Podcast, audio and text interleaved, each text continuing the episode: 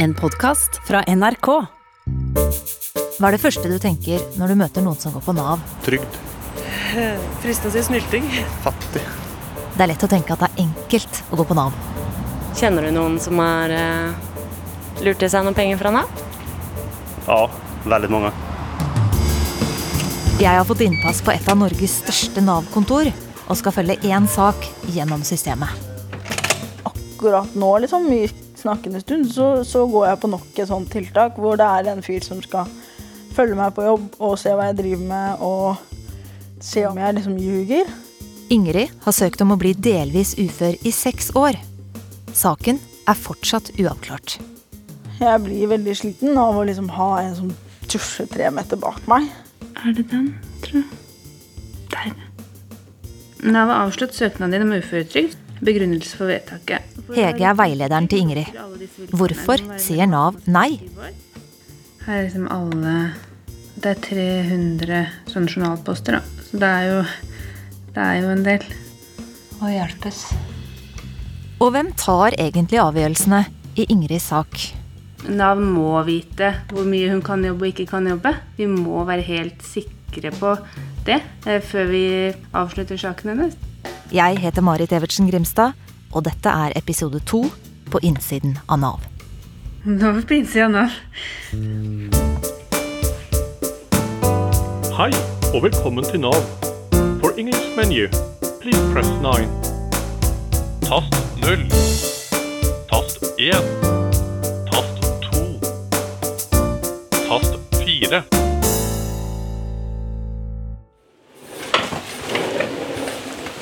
Foretrekker å rulle.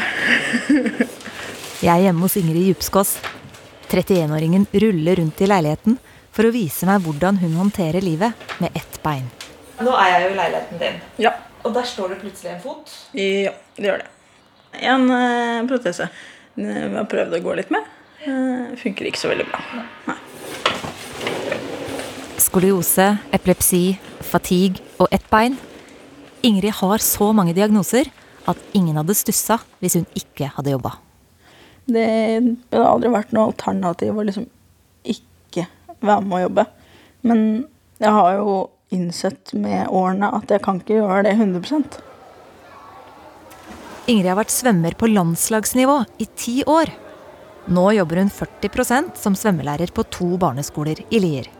Det mener hun er akkurat så mye som hun kan klare. Jeg er i bassenget med masse barn, og selv om jeg ikke har masse energi, så har de masse energi som de overfører, deler, deler til meg mens vi er der. Jeg syns det, det er veldig koselig og det er veldig hyggelig, men det er også veldig slitsomt.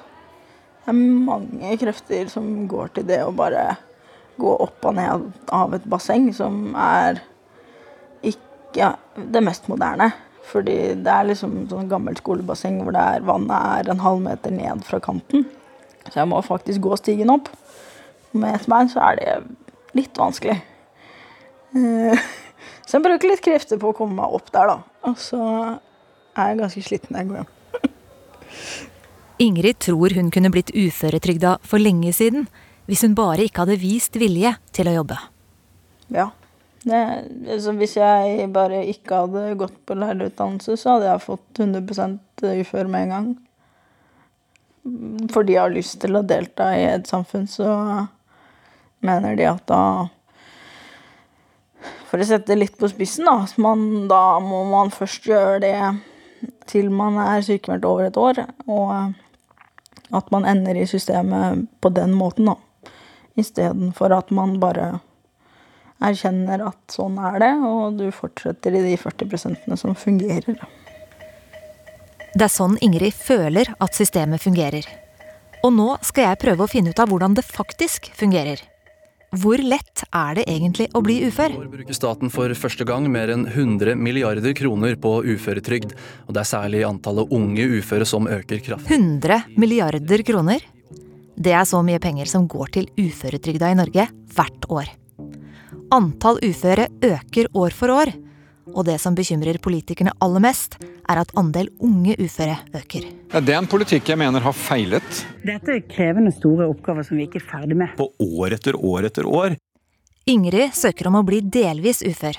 Hun mener at hun aldri vil kunne jobbe fullt, og har derfor søkt om å bli 60% uføretrygda. Men det har Nav sagt nei til i seks år. Hvorfor er det så viktig for deg å bli uføre? For å ha en økonomisk trygghet, da. For å slippe å leve på under 10 000 i måneden. Det er liksom ikke kjempegod utbetaling på 40% lærer. Men du blir jo ikke steinrik av å være uføretrygda? Nei, alternativet er å bare få inn under 10 000 altså, uh, i måneden. Og jeg har utgifter på 13 så, så blir man rikere. Jeg står i den store mottakshallen på Nav-huset i Drammen. Her inne jobber de som har ansvar for Ingrids sak. Da er vi klare, da. Da er vi klare, da. Så vi ja. Katrine Kristiansen er leder. Det er hun som har sagt ja til å slippe meg inn. Da er vi i gang. Da er vi i gang. Ingrid er en av mange brukere som er avhengig av jobben som gjøres på dette kontoret. Det er mennesker i hver eneste sak vi møter, med ulik form for bagasje. Og det er ulike årsaker til at ting blir som det blir. Samtidig så er vi pålagt å være en pålitelig forvaltning. Dvs. Si at vi skal forholde oss til de rammene som er. Og det er jo den balansegangen mellom å være en portvokter og en døråpner, da. Døråpner og portvokter. Muligheter og avslag. Tiltak og avklaring. Ja eller nei. Katrine er sjefen til 250 veiledere på dette kontoret. Ja. Det er de som har den vanskelige jobben å gi folk den hjelpen de trenger, og samtidig holde seg innenfor lover, regler og politiske rammer. Så det er klart at veileder som jobber her i Nav Drammen, dokumenterer jo hele veien i forhold til hva som er gjort i oppfølgingsløpet, eh, og sånn sett gjør en innstilling. En av veilederne er Hege.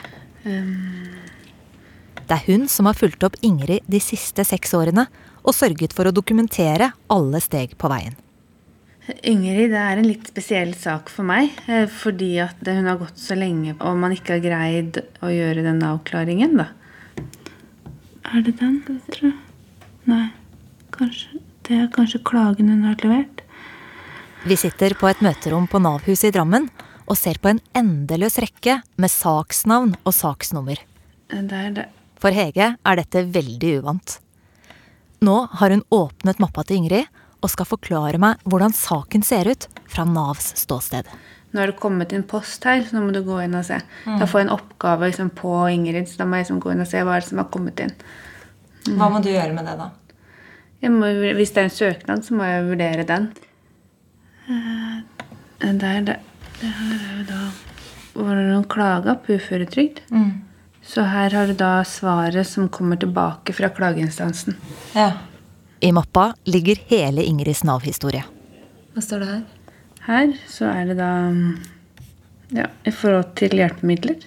Har hun søkt om en rullestol, så står det her. Her ligger legeerklæringer, utredninger og rapporter. Søknader og avslag. En journalpost er et dokument eller en vurdering mm. eller et vedtak eller et eller annet. Mm. Her ser du da det er en sånn fysioterapeut som har skrevet. Det er uføresaken jeg er interessert i. Hva er grunnen til at Nav ikke vil uføretrygde Ingrid? Saken starter i 2015. Når jeg skal vurdere om noen skal søke uføretrygd, så uh, skriver jeg en arbeidsevnevurdering. Og det er liksom, da er det min oppgave å få fram hvem er det mennesket bak alle disse dokumentene. Og det er et dokument som da ligger i saken. Det er så. Når jeg gjorde den vurderingen, så hadde jeg en diskusjon med Ingrid om det var for tidlig. Både jeg og Ingrid var enige om at arbeidsevnen hennes var nedsatt. Men i hvor stor grad var litt uklart. Høsten 2015 starter Ingrid på lærerhøgskolen. Hun vil bli lærer, men hun vet at hun aldri vil kunne jobbe fullt. For å få trygghet for framtida bestemmer hun seg for å søke om å bli 60% uføretrygda. Og så prøvde jeg å søke om uføretrygd i 2015. Og da sa de at det får du ikke, fordi at du nå har søkt deg inn på lærerstudiet. og du går der på normert tid, da har du ikke noe krav på det. Så her har du da svaret som kommer tilbake. Ja. Hva står det her? De har gjennomført all hensiktsmessig behandling og arbeidsretta tiltak som kan bedre inntektsevnen din. Vi har kommet fram til at du ikke oppfyller alle disse vilkårene. Og det er liksom der, der man henger, da, ikke sant? Arbeidsevne er et nøkkelord i Nav. For å få innvilget uføretrygd, så må man oppfylle noen ganske strenge kriterier i folketrygdloven. Det er f.eks. et absolutt krav at arbeidsevnen, eller inntektsevnen som det står i loven, er nedsatt med mer enn 50% og at det skyldes sykdom eller skade. Skaden må være hovedårsak til den nedsatte inntektsevne. I Ingrids tilfelle så er det lett å dokumentere. Hele sykdomshistorien viser at dette er en varig skade. Så krever loven at all hensiktsmessig behandling skal være gjennomført. Og du må ha gjennomført all hensiktsmessig behandling. Altså, finnes det noen behandling som kan gjøre deg bedre? For Ingrids del nei. Hun kan ikke bli bedre. Så krever loven at alle arbeidsrettede tiltak skal være gjennomført. Det vurderes derimot at du ikke har gjennomført all hensiktsmessig arbeidsretta tiltak som kan øke din arbeid. Det betyr at Nav skal snu hver stein, prøve ut alle mulige tiltak for å se om Ingrid kan bedre inntektsevnen. Altså jobbe mer. Jeg forstår at hun opplever at dette her er opplagt. Hun tenker at hun har en funksjonsnedsettelse, og det er det ingen tvil om. Men det det er tvil om, er hvor mye kan du jobbe? Man kan tenke at ja, hun fortjener en uføretrygd. Hun er så flink. Hun, hun gjør det hun skal. Hun fortjener en uføretrygd, for hun har hatt det så vanskelig. ikke sant? Men allikevel, om man mener at man fortjener eller ikke fortjener, så må saken belyses på akkurat samme måte.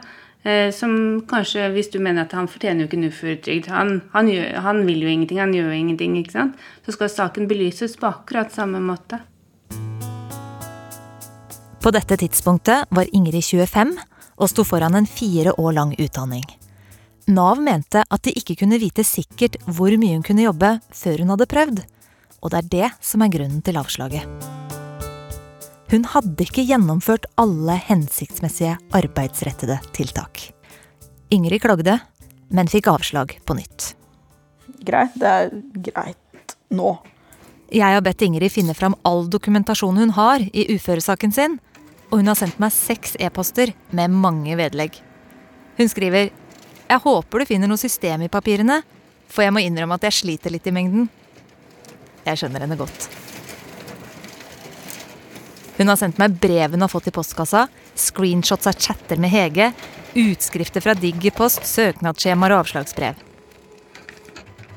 Jeg prøver å sortere og systematisere. Det er ikke lett, verken for Ingrid eller meg, å få oversikt over hva som har skjedd, og hvem som har bestemt hva i denne saken. Skal vi se Nei. Mm.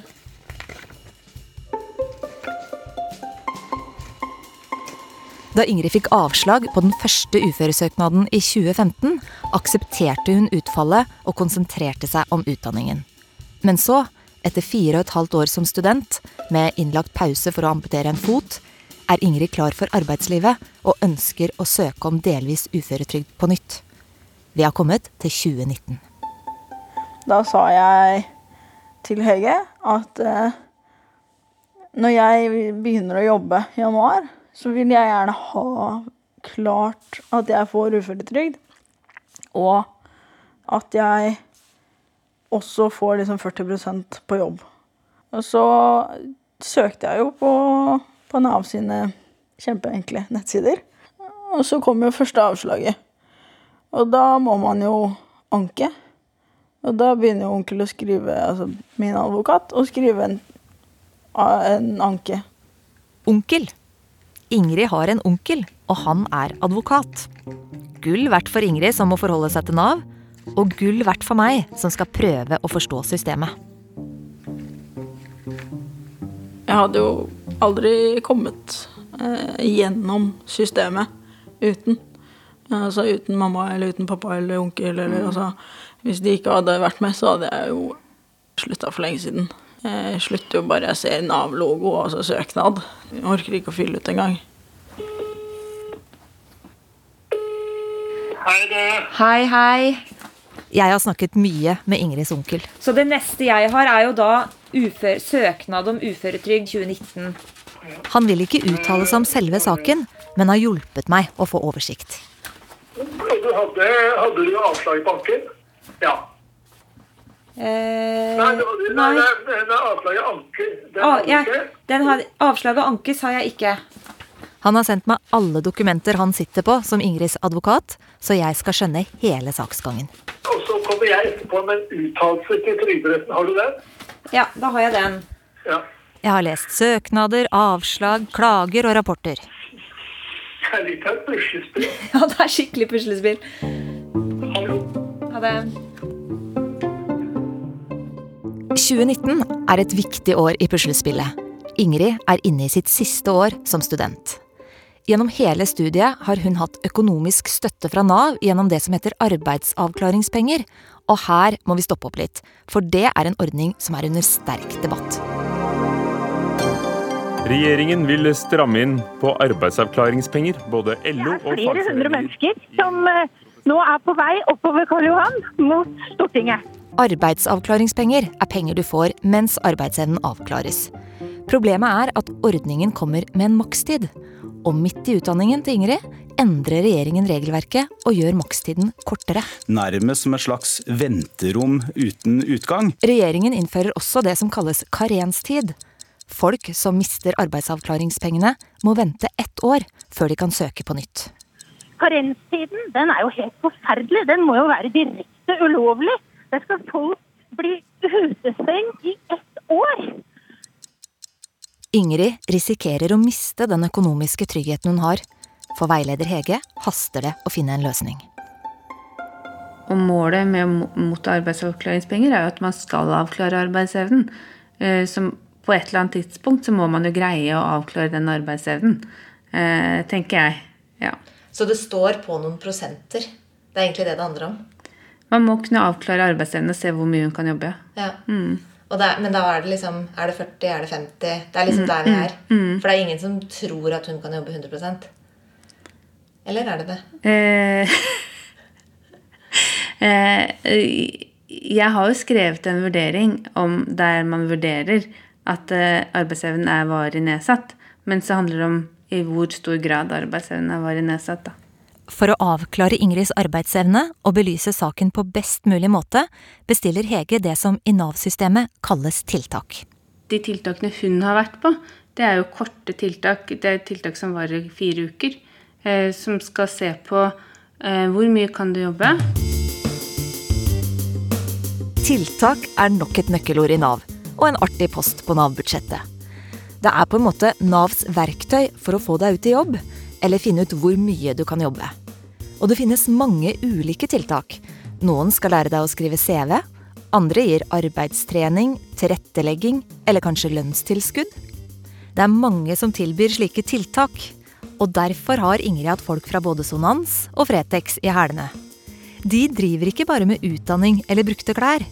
De tilbyr også sine private tjenester til Nav, og brukes bl.a. til å avklare arbeidsevnen.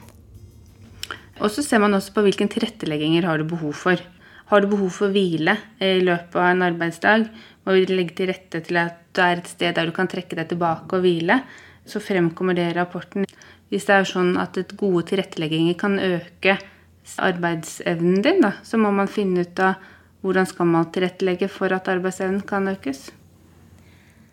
Å være på tiltak kan være veldig nyttig, men for Ingrid er nok tiltak mest tiltak.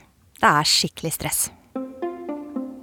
Og så svarer de liksom at uh, vi ser at medisinsk sett så ja, du kan få uføretrygd, men du har ikke prøvd alt som Nav tilbyr av tiltak. Og da spør vi tilbake. Hva er det jeg skal gjøre som jeg ikke har gjort? Og vi spør Hege hva er det du kan sette opp som vi ikke har gjort? For allerede så har jeg vært i tiltak som tilsier at hvor, hvor de avgjør hvor mye jeg kan jobbe. Og de har fulgt meg hva jeg gjør i løpet av dagen. Jeg har skrevet sånn dagbok over liksom hva jeg gjør, og alt sånt. Så vi skjønner ikke liksom hva mer er det vi, vi skal gjøre her. Og da setter de meg på nok et sånt tiltak, da. Eh, hvor det er enda mer spesifisert at liksom du må si akkurat hvor mye hun kan jobbe. Og de mener fortsatt at jeg ikke har gjort nok tiltak. Så det gjør jo at jeg den dag i dag så går jeg på nok et sånt tiltak hvor det er en fyr som skal følge meg på jobb og se om jeg liksom ljuger. Men de følger meg jo kun de timene jeg er på jobb. De ser jo ikke hva som skjer når jeg kommer hjem. Men, men er du redd for å gjøre noe feil i den situasjonen? Ja, jeg må hele tiden tenke hva jeg sier. Hvis jeg nevner det, så kan han stille noen oppfølgingsspørsmål som tilsvarer at vi kommer inn på et tema som jeg kanskje ikke har lyst til at vi skal inn på. Og fordi at jeg vet at det kan skade utfallet av at han øh, sier at selvfølgelig kan hun jobbe mer. Men kan du jobbe mer, da? Eh, hvis jeg ikke skal ha et sosialt liv, ikke ha familie og ikke ha kjæreste, så kan jeg jobbe mer. Hege skjønner at det er stress å bli overvåka. Men som veileder har hun sørget for at Ingrid kan studere på Navs regning. Og som veileder må hun sørge for å avklare arbeidsevnen. Sånn jeg kjenner Ingrid nå, så tenker jeg at det, sånn som hun har det nå, at hun jobber 40% at det er optimalt for henne. Eh, men vi må jo se på den rapporten fra, fra Fretex også, da, hva den sier, da. Men jeg forstår at hun opplever det som veldig strevsomt. Og hvis man tenker bare meg som Hege, så det, forstår jeg det så innmari godt at det er strevsomt for henne at Nav krever at hun nå skal bruke den lille energien hun har på å gjennomføre disse tiltakene. Men Nav må vite hvor mye hun kan jobbe og ikke kan jobbe. Vi må være helt sikre på det eh, før vi avslutter saken hennes. Da. Mm. Men er det noe i deg som tror at hun kan jobbe mer? Jeg tror ikke hun kan jobbe mer enn det hun jobber i dag. Det tror jeg ikke. I hvert fall ikke sånn som situasjonen hennes er nå. Vi spoler tilbake til 2019. Søknad om å bli 60 ufør er sendt for andre gang. Arbeidsavklaringspengene nærmer seg slutten. Ingrid er snart ferdig utdanna lærer. Det nærmer seg jul, og Nav begynner å skrive brev. Ser jeg en konvolutt med Nav på, da blir jeg sliten. Altså, det, jeg ikke lyst til å åpne den konvolutten engang.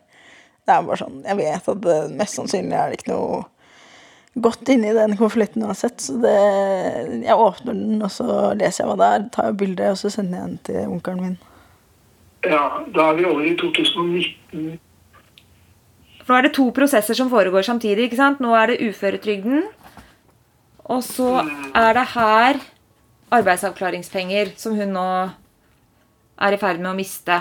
Hun sendte meg veldig mye på slutten i desember 2019, nemlig. Ja. Ja, vi ser 3. desember 2019. Nav har avslått søknaden din om uføretrygd. 10. desember 2019. Nav har stanset arbeidsavklaringspengene dine. 11. desember 2019. Nav har forlenget arbeidsavklaringspengene dine. 16. desember. Nav har vedtatt at arbeidsavklaringspengene dine opphører fra og med 31.12.2019. God jul! God jul! Eller det står det faktisk ikke i brevene fra Nav. Ingrid sier ikke så mye om hvordan hun opplevde denne perioden. Men Hege, som har vært tett på som veileder, syns det var vanskelig. Hvis man liksom skiller mellom Eh, meg som Nav-veileder og meg som Hege. Da. At jeg vet at nå har ikke Ingrid noe penger. Og jeg prøvde å strekke meg så langt jeg kunne for at vi skulle få til en løsning, men så var det ingen løsning, da.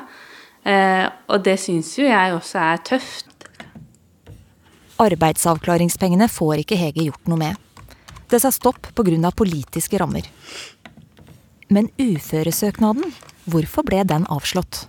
Jeg ble litt overraska, fordi jeg er jo med Ingrid og gjør de første vurderingene eh, i forhold til om arbeidsevnen er varig nedsatt eller ikke.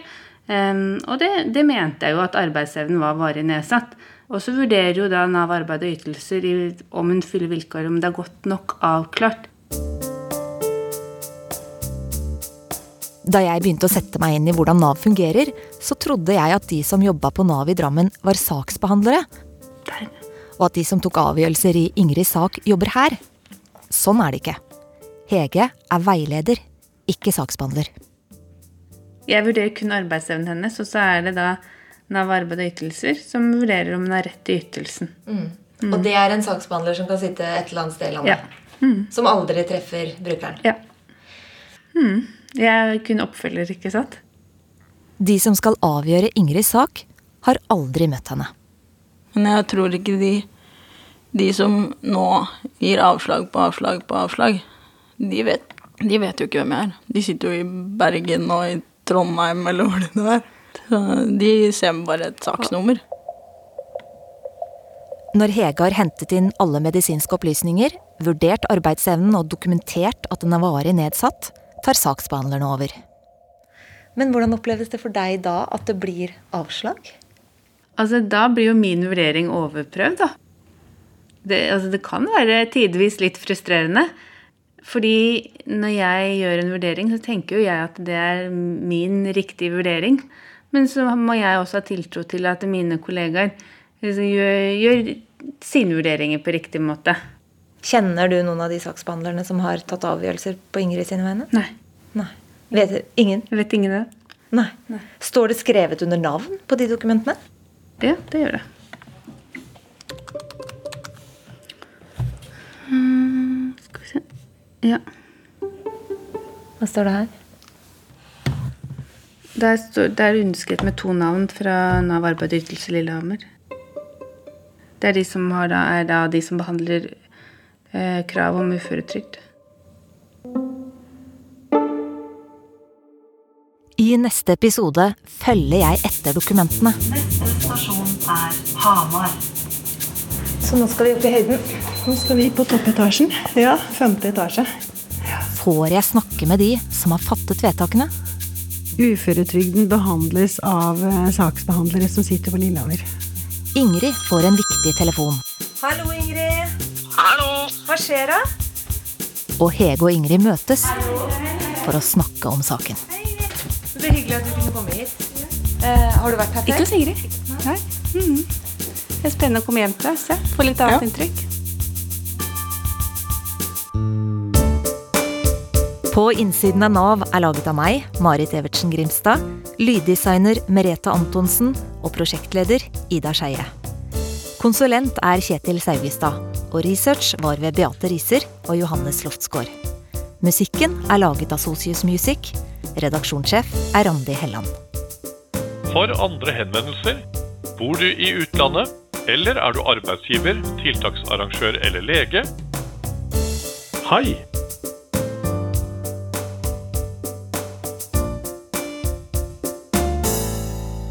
Du har hørt en podkast fra NRK. Hør flere podkaster og din NRK-kanal i appen NRK Radio.